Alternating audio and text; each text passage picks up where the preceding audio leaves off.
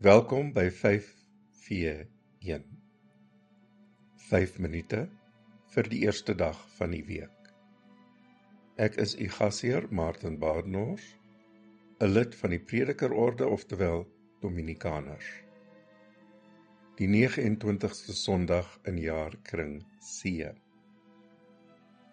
Totdat Jesus 'n verklaring gee, het ons geen idee oor wie is baas en wie is klaas in die gelykenis nie. Is God die weduwee wat aandring op ons handeling volgens sy wet?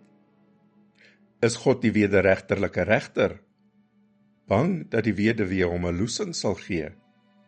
Ja, die Griekse grondteks dui op die regter se vrees dat die weduwee slaags sal raak. En as ons tot God roep, Is dit om geregtigheid te laat geskied? Ons vra of vra ons gunse.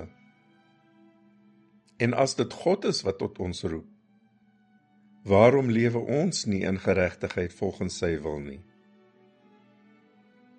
Die verklaring verseker ons van God se spoedige geregtigheid vir sy uitverkorenes.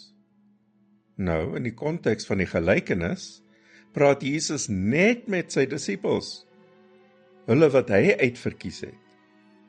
Is daar meer uitverkorenes as net die disippels? Dan is daar ook die verskil tussen geregtigheid en gunse.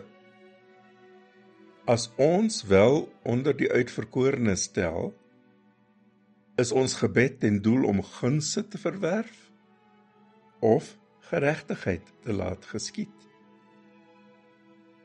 die gelykenis en die verklaring skenk geen oplossing nie.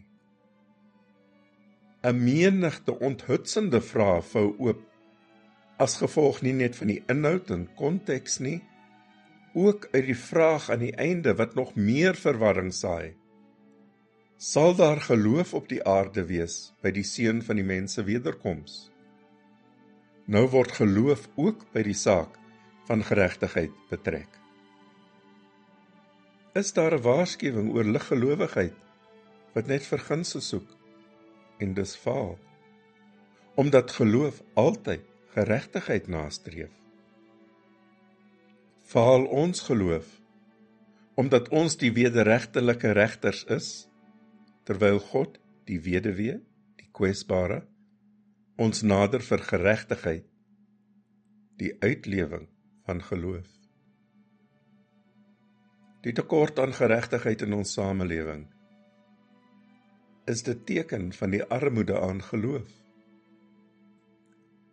Geloof streef na geregtigheid. Daardie dors word altyd deur God geles. Sodan het ons 'n maatstaaf vir ons geloof en 'n doel aan ons gebed.